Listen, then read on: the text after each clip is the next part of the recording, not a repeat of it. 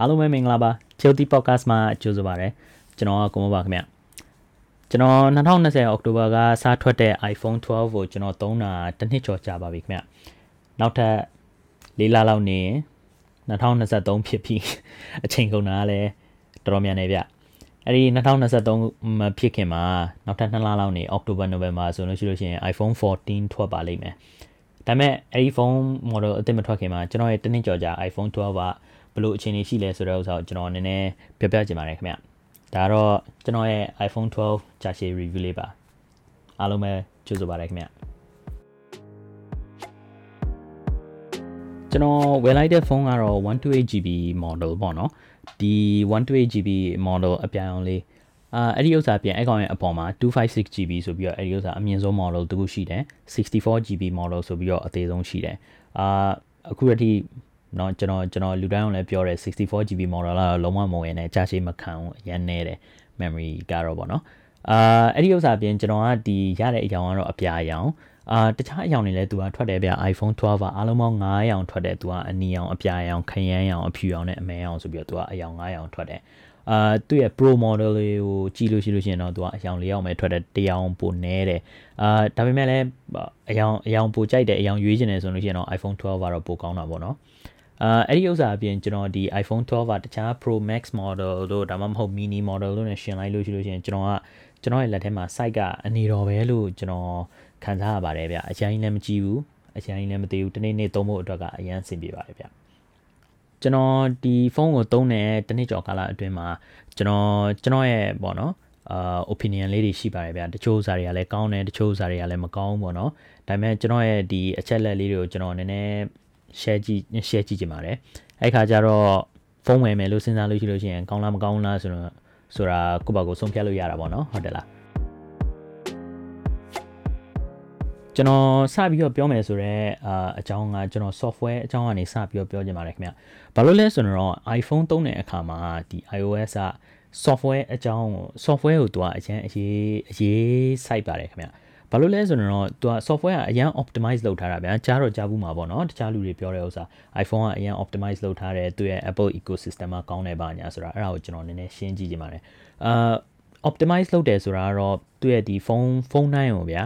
အာသုံးတဲ့ app တွေအကုန်လုံးကလုံးဝချောချောချူချူ ပြဿနာမရှိဘူးထစ်တာလည်းမရှိဘူးငေါ့တာလည်းမရှိဘူး quality ကြလည်းမရှိဘူးဆိုပြီးတော့သူက Apple engineer တွေအကုန်လုံးကသူကအကောင်းဆုံးဖြစ်အောင်သူကလုပ်ပေးထားတာသူကဒီ software ဘိုင်းနဲ့ဆိုင်တာပေါ့နော်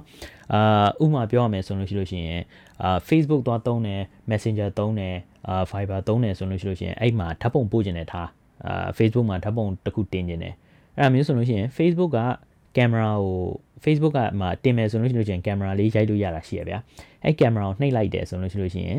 ဒါတိုက် အဲ့ဒီကနေပြီးတော့တင်လို့ရတယ် quality ကိုပူစရာမလိုဘူးစိတ်ချလို့ရတယ်တိုင်းတင်လိုက်လို့ရတယ်အာဘာဖြစ်လို့ဒီ optimization ကအရေးကြီးလဲဆိုတော့ Android phone တွေမှာကျွန်တော် Facebook ကနေပြီးတော့သွားပြီးတော့တင်တယ်ဒါတိုက်တင်မယ်ဆိုလို့ရှိလို့ရှိရင်အဲ့ဒါမျိုးတင်လို့မရဘူးဗျဘာဖြစ်လဲဆိုတော့ဒီ Facebook ကကင်မရာကိုကျွန်တော် Android phone ထဲမှာသွားပြီးတော့ဓာတ်ပုံတစ်ခါလေးရိုက်ပြီးတော့တင်တယ်ဆိုလို့ရှိရင်သူ့ရဲ့ camera app ကင်မရာတက်တက်နဲ့ရိုက်ပြီးတော့တင်တာတဲ့ Facebook ကကင်မရာနဲ့ရိုက်ပြီးတော့ direct တင်တာနဲ့ quality ကလုံးဝကွာတယ်ဗျ အာ optimize သူကတေချာမလုပ်ထားဘူးကျွန်တော်ရဲ့ S22 Ultra ဆိုတဲ့ဥစား review မှာလည်းအာမကြည့်ရသေးလို့ရှိရင်သွားပြီးတော့ကြည့်ကြည့်လို့ရပါတယ်ဗျအာသူကကျွန်တော် side by side comparison လုပ်ပြထားတာပေါ့နော်နည်းနည်းနှိုင်းရှင်နှိုင်းရှင်ပြထားတာပေါ့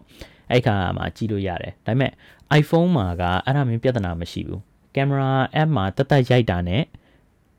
ဒီ Facebook app မှာသွားပြီးတော့ရိုက်တဲ့ဥစ္စာနဲ့ကအတူတူပဲ quality ကအာလုံးဝကျသွားတာမရှိဘူး မှနည်းနည်းကွာတယ်ဆိုလို့ရှိရင်တော့မှအနည်းပါပဲကွာတာအများကြီးမကွာပါဘူးဗျအာ Viber တို့ Messenger တို့ WhatsApp တို့အဲ့ဒီဥစ္စာတွေထဲမှာလည်းအတူတူပါပဲအဲ့ဒါကြောင့်ကျွန်တော်ကဒီ software optimization ကကောင်းတယ်လို့ပြောတာအဲ့ဒီဥစ္စာအပြင် software update က6နှစ်ပေးမယ်လို့ Apple ကသူကပြောထားတယ်ဗျဒါကဘာဖြစ်လို့အရေးကြီးလဲဆိုတော့6နှစ်အထိဗျဒီဖုန်းက software အကြောင်းကိုလုံးဝစိတ်ပူစရာမလိုသုံးလို့ရတယ် အာဒီဥစ္စာဘာဖြစ်လို့အရေးကြီးလဲဆိုတော့အထူးသဖြင့်အခုခေတ်မှာဆိုလို့ရှိလို့ရှိရင်ဒီတယ်လီဖုန်းကဒီမှာဗာလဲတယ်လီဖုန်းထဲမှာပတ်စံပေးတယ်တယ်လီဖုန်းထဲကနေပြီးတော့ကျွန်တော်တို့မှာအခွန်ဆောင်တယ်တယ်လီဖုန်းထဲကနေပြီးတော့သုံးတဲ့ဥစ္စာတွေကများတယ်ဗျဥပမာကျွန်တော်ရဲ့ password တို့ဘာလို့ညာလို့ဆိုတဲ့ဥစ္စာတွေကဥပမာတနေ့နေ့မှာဖ virus တွေကပို့ပြီးတော့အဆင့်မြင့်လာတယ်ဆိုလို့ရှိရင် software update ကလည်းအများနဲ့ light ပေးနေမှာ light ပေးနေတော့မှကျွန်တော်တို့ဘက်ကလုံခြုံတယ်ဆိုပြီးတော့ကျွန်တော်စိတ်ချရတာပေါ့နော် အာအဲ့ဒီဥစ္စာအပြင် Apple က6နှစ်ပေးတဲ့ဥစ္စာမှာ Android ဖုန်းတွေတော်တော်များများအားလုံးပေါင်း3နှစ်4နှစ်ပဲပေးတာအများဆုံးကအခု Samsung ဖုန်း4နှစ်ပေးတယ်ဒါပေမဲ့ iPhone ရဲ့အာ6နှစ်ဆိုတဲ့ဥစ္စာကိုလုံးဝရှင်းကြည့်လို့ရှင်းလို့မရဘူးလေဗျာအဲ့ဒီဥစ္စာအပြင်သူ update လုပ်တဲ့ software version တိုင်းအခုကျွန်တော်ဖုန်းထွက်တဲ့အချိန်တုန်းက iOS 14နဲ့ကျွန်တော်ရဲ့ဖုန်းက run နေတာဒါပေမဲ့အခုကျွန်တော် iOS 15.6အထိရောက်သွားပြီဗျအဲ့ iOS 15.6ကိုကျွန်တော် run နေတဲ့အချိန်မှာ ကျွန်တော်ထစ်တာတို့အာ frame ကျသွားတာတို့ battery အရင်ကိုစားတာတို့ဘာအဲ့ဒါမျိုးပြဿနာလည်းမရှိဘူးဗျအခုရတိကျွန်တော်အတွက်ကတော့ iOS 15.6 run နေတာလုံးဝ smooth ပဲကျွန်တော်မှပြဿနာတော့မတွေ့ကြုံရသေးပါဘူးဗျ smooth ဖြစ်တယ်ချောချောပြူပြူဖြစ်တယ်ဆိုတဲ့ဥစ္စာက software တစ်ခုတည်းနဲ့လည်းမဟုတ်ပါဘူးဗျ app တွေအကုန်လုံးကလည်းအာလုံးဝ run တာအကုန်လုံးအဆင်ပြေတယ်အဲ့ဒီဥစ္စာအပြင်ကျွန်တော် game ကစားတဲ့နေရာမှာလည်းအရင်ကောင်းပါတယ်ဗျ ကျွန်တော်က game ကစားတာဝါရဲဝါသနာပါတဲ့လူဆိုတော့ကျွန်တော်ကစားတဲ့ game တိုင်းမှာပြဿနာမရှိဘူးဘလို့ပဲဘလို့ပဲ run run ဗျာကဲဒါ game မှာအကုန်လုံးချောချောချောချောကြည့်ပဲ signal ပျောက်သွားတာတို့ဒါမှမဟုတ်မှာ frame အာ frame ကျပြီးတော့သူကထစ်သွားတာတို့ဘာလို့ညာကျွန်တော်လုံးဝမရှိဘူးဒါပေမဲ့တခုသတိထားမှာတော့ဒီမှာဖုန်းလေးကနည်းနည်းသေးတယ်ဆိုတော့ battery လည်းနည်းနည်းသေးတယ်လေအဲ့ခါကျတော့ game မှာကြာကြာကြာကြာဆော့တဲ့ခါကျရင် battery ပိုစားတာပေါ့နော်တနေကုန် game ပဲကစားပြီးတော့ အာဖုန်းကိုအရင်သုံးတဲ့လူတွေအတွက်ကတော့မကိုက်ဘူးပေါ့ဒီဖုန်းကတော့ပြောရလို့ဆိုလို့ရှိရင်အဲ့ဒါအပြင် game ကစားတဲ့အခါမှာဖုန်းကအရန်ပူလာတာတို့အာအရန်အပူချိန်တက်လာတာတို့လည်းမရှိပါဘူးဗျအာကျွန်တော်ကတော့နှွေးလာတယ်ဆိုတာကတော့သတိထားမိတယ်ဒါပေမဲ့အရန်ကြီးပေါ့နော်ဒီလက်ထဲကနေ game set မဆော့နိုင်တော့ဘူးဆိုပြီးတော့ပူသွားတဲ့လောက်ပူသွားလောက်ထိတော့အဲ့လောက်ထိတော့ပြဿနာမရှိပါဘူးဗျကျွန်တော်အဲ့ဒါအပြင် battery အပိုင်းကိုလည်းနည်းနည်းပြောချင်ပါတယ်ခင်ဗျ။သူကဒီ iPhone 12စပြီးတော့ထွက်လာတဲ့အချိန်မှာ MagSafe ဆိုပြီးတော့သူက wireless charging ကိုသူကတန်လိုက်ကလေးတွေပါတဲ့ဥစ္စာကိုသူကတော်တော်ကြော်ညာတယ်အာ MagSafe ကဘာလုပ်တာလဲဆိုတော့သူက wireless charging အတွက်သူကတန်လိုက်ကလေးတွေကတ်ထားတာအဲ့ကကြတော့သူကတန်လိုက်ပါလို့ရှိလို့ရှိရင်သူက wireless charging အတွက်ပုံစံမကြတာတော့နေရာမကြတာတော့အတွက်ပူစရာမလိုတော့ဘူးပေါ့နော်သူက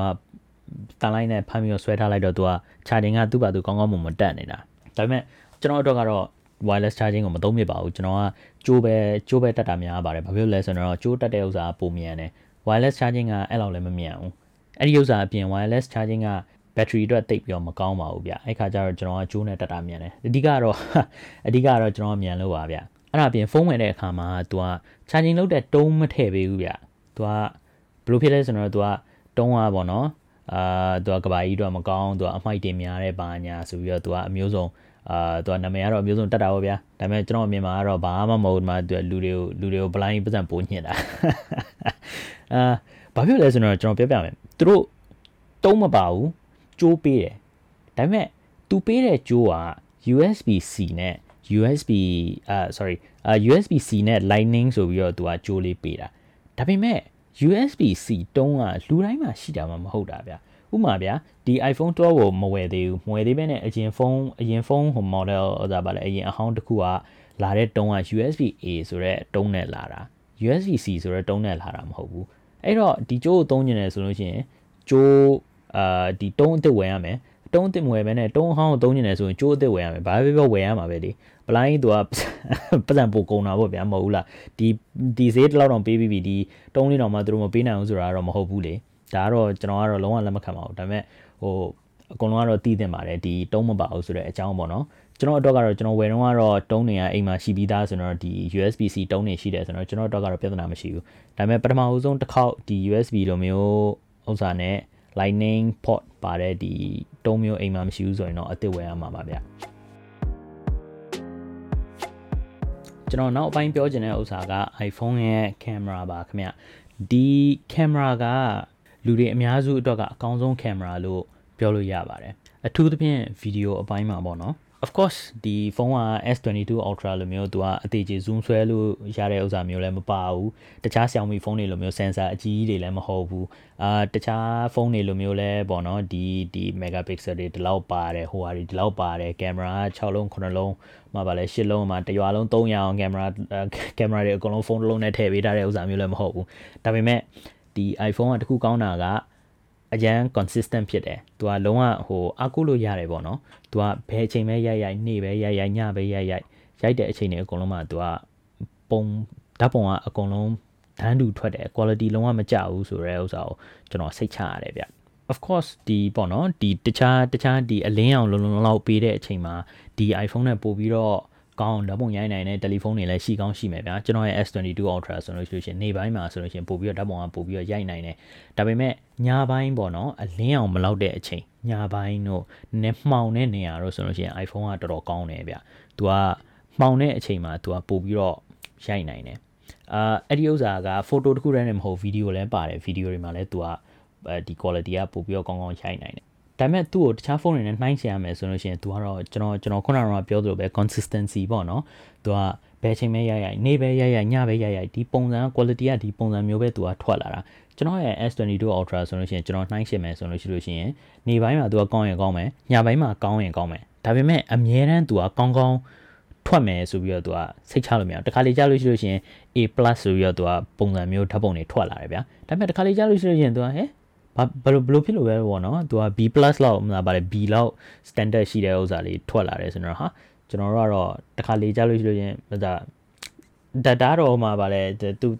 စိတ်နှောက်ယှက်ဖြစ်တာပေါ့နော်ဒါကျွန်တော်အတွက်ပေါ့ဒါကတော့အသေးမွှားလေးပါအရင်ဟိုအရေးကြီးတဲ့ထဲမှာတော့မပါပါဘူးဒါပေမဲ့စိတ်နှောက်ယှက်ဖြစ်တဲ့အထဲမှာတော့ပါတယ်ဒါပေမဲ့တခုကောင်းတာကတော့ iPhone 12ကဒီကိစ္စတွေသူကပူစရာမလိုဘူးသူကဘယ်အချိန်မှာဘယ်လိုပဲရိုက်ရိုက်သူက ကောင်းမယ်ဆိုတဲ့ဥစ္စာကတော့ဓာတ်ပုံကအဆင်ပြေမယ်ဆိုတာကတော့ကျွန်တော်စိတ်ချရပါတယ်အဲ့ဒီဥစ္စာအတွက်အာအဲ့ဒါကြောင့်လဲကျွန်တော်ပေါ့နော်လူအများစုအတွက်အကောင်းဆုံးကင်မရာထဲမှာပါတယ်လို့ကျွန်တော်ပြောတာပါဗျကျွန်တော်အဆုံးသတ်လို့ရှိရင်တော့ကျွန်တော်ရဲ့ iPhone 12ကဒီကျွန်တော်သုံးခဲ့တဲ့တစ်နှစ်ကျော်မှာပေါ့နော်တော်တော်အားကိုးခဲ့တဲ့ဖုန်းဖြစ်ပါတယ်ဗျကျွန်တော်တို့အခုကျွန်တော် run နေတဲ့ဒီ YouTube channel ပေါ့နော် အဲ့ဒီဥစ္စာနဲ့ကျွန်တော် podcast recording ပါညာလဲဒီ iPhone က iPhone ပဲသုံးတာများတယ်ဗျဒီအချိန်တော်တော်များများ iPhone က footage ကိုပဲကျွန်တော်သုံးတယ်ဘာဖြစ်လဲဆိုတော့ကျွန်တော်သုံးတာကလည်း iPad ဗျာ iPad နဲ့ကျွန်တော် edit လုပ်တာအာ iPad နဲ့ edit မှာလုပ်တဲ့အခါမှာ Luma Fusion ဆိုတဲ့သူက software နဲ့ကျွန်တော် edit လုပ်တာအဲ့ခါကျတော့ iPhone က AirDrop လို့ပါတော့ညာတော့သူ့ရဲ့ ecosystem ရှိတယ်ဗျာအဲ့ခါကျတော့ file တွေပါ share လုပ်တဲ့ဥစ္စာအရန်လွယ်တယ်ဒီဖုန်းကနေပြီးတော့အဲ tablet ထဲကိုရောက်ဖို့အတွက်ကကျွန်တော် AirDrop ဆိုပြီးတော့ နှိပ်လိုက်လို့ဆိုရှင်ဘတ်ဆိုပြီးတော့ခဏလေးပဲသူကကောက်ရောက်သွားတာအဲ့ခါကျတော့ဟိုလွယ်လွယ်လွယ်ကူတာပေါ့နော်ကျွန်တော်တို့အတွက်အများကြီးအဆင်ပြေတာပေါ့အာတိတ်ပြီးအလုံးမရှုပ်ဘူးလေအဲ့ဒီဥစ္စာအတွက်ကျွန်တော်ကအာသဘောကျတာပေါ့အာအခုခင်ဗျားတို့မှလည်းအကုန်လုံးကဟို iPad တို့မှာ Apple Watch တို့ဘာညာရှိတယ်ဆိုလို့ရှိလို့ရှိရင်အများကြီးအဆင်ပြေမှာ MacBook တို့ဘာညာတို့ဆိုရင်လည်းလေဒီဓာတ်ပုံတွေအပြောင်းအရွှေ့တို့အာဒါမှမဟုတ်တခြားဟို copy paste လုပ်တဲ့ဥစ္စာတွေ password manager တွေအများကြီးသူကကောင်းတာတွေရှိတယ် ဒါပေမဲ့အဲ့ဒီဥစ္စာမျိုးတွေတွေ့ကြလို့ရှိရင်တော့ကျွန်တော် like share subscribe နဲ့ comment လေးပေးပါဗျာကျွန်တော်နည်းနည်းဝင်ရသေးတယ်အဲအခု2020မှာ iPhone 12ကိုဝယ်သင့်သလားဆိုပြီးတော့ကျွန်တော်ကိုအကြံပေးခိုင်းလို့ရှိလို့ရှိရင်ကျွန်တော်ကဒီမေးခွန်းကိုအဖြေနှမျိုးပြောပါမယ်ဗျအခုဖုန်းပြတ်သွားပြီ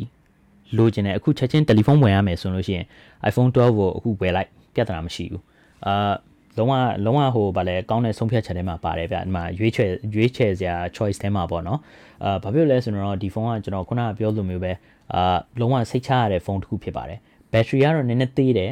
ဒါပေမဲ့စိတ်ချရတဲ့ဖုန်းတွေမှာပဲပါတယ်အဲ့ဒီဥစ္စာအပြင်သူက software update ကနောက်ထပ်၄နှစ်၄နှစ်ကအနည်းဆုံးရအောင်ပဲဗျာအဲ့ဒီခါကျတော့အာ၄နှစ်ဆရာ software update လည်းပို့စရာပူစရာမလိုဘူးလေအာကင်မရာလည်းကောင်းတယ် software update လည်းပူစရာမလိုဘူးဆိုတော့ ဘာမှသိပ်ပြောမှစိတ်ပူစရာမလိုဘူးဒါပေမဲ့တယ်လီဖုန်းကသုံးလို့ရသေးတယ်အခုချက်ချင်းအရေးပေါ်မလိုသေးဘူးဗျနည်းနည်းစောင့်နိုင်သေးတယ်ဆိုလို့ရှိရင်ကျွန်တော်ကနည်းနည်းစောင့်ပါလို့ကျွန်တော်ကတော့အပေးပါတယ်ဗျဘာဖြစ်လဲဆိုတော့နောက်ထပ်2လနေလို့ရှိလို့ရှိရင် iPhone 14ဆိုပြီးတော့ထွက်ပြီလေအဲ့ခါကျလို့ရှိရင်ဖုန်းအစ်စ်ကိုဖုန်းအစ်စ်ကိုကြည့်ပြီးတော့မှဆုံးဖြတ်ချက်ချလဲတိတ်ပြီးတော့နောက်ကျမှာ အာမဟုတ်ဘူးလေဗျ။ဘာဖြစ်လို့လဲဆိုတော့အာဖုန်းအစ်စ်ကိုထွက်လာတဲ့အချိန်မှာလဲဒီဖုန်း model အရင် model အဟောင်းတွေအကုန်လုံးကလည်းဈေးကပို့ပြီးတော့တက်တာရလေဗျာ။အဲ့တော့ကျွန်တော်ခုနကပြောလိုမျိုးပဲဖုန်းကိုအရေးပေါ်မလိုသေးဘူး။နည်းနည်းစောင့်နိုင်တယ်ဆိုလို့ရှိလို့ရှိရင်လည်းနည်းစောင့်လိုက်ပါဗျာ။နှစ်လပဲကြာမှာတော့တယ်။အဲ့နှစ်လပြီးနောက်နှစ်လဆိုရင်လည်း2020လည်းကုန်ပြီ။ပတ်စံလည်းကုန်ပြီဖုန်းဝင်လိုက်။အာကဲအဲ့ဒါမျိုးဆိုလို့ရှိရင်တော့ကျွန်တော်ကျွန်တော်တော့ကတော့ဒါပါပဲဗျအာကျွန်တော်ကကိုမို့ပါ ကျွန်တော်ဒီလိုမျိုးဗီဒီယိုအစီအစဉ်လေးတွေကိုသဘောကျတယ်ဆိုလို့ရှိရင် like share subscribe လုပ်ပေးပါခင်ဗျကျွန်တော်အတွက်အများကြီးအထောက်အကူဖြစ်ပါတယ်အာဒါဆိုရင်တော့ဒါပါပဲကျွန်တော်ကတော့ပြီးပါပြီဘာမှပြောစရာမရှိတော့ပါဘူးအဲ့တော့နောက်ဗီဒီယိုမှာပဲဆုံးကြတာပေါ့ခင်ဗျာကျေးဇူးများတင်ပါတယ်ခင်ဗျာ thank you ပါ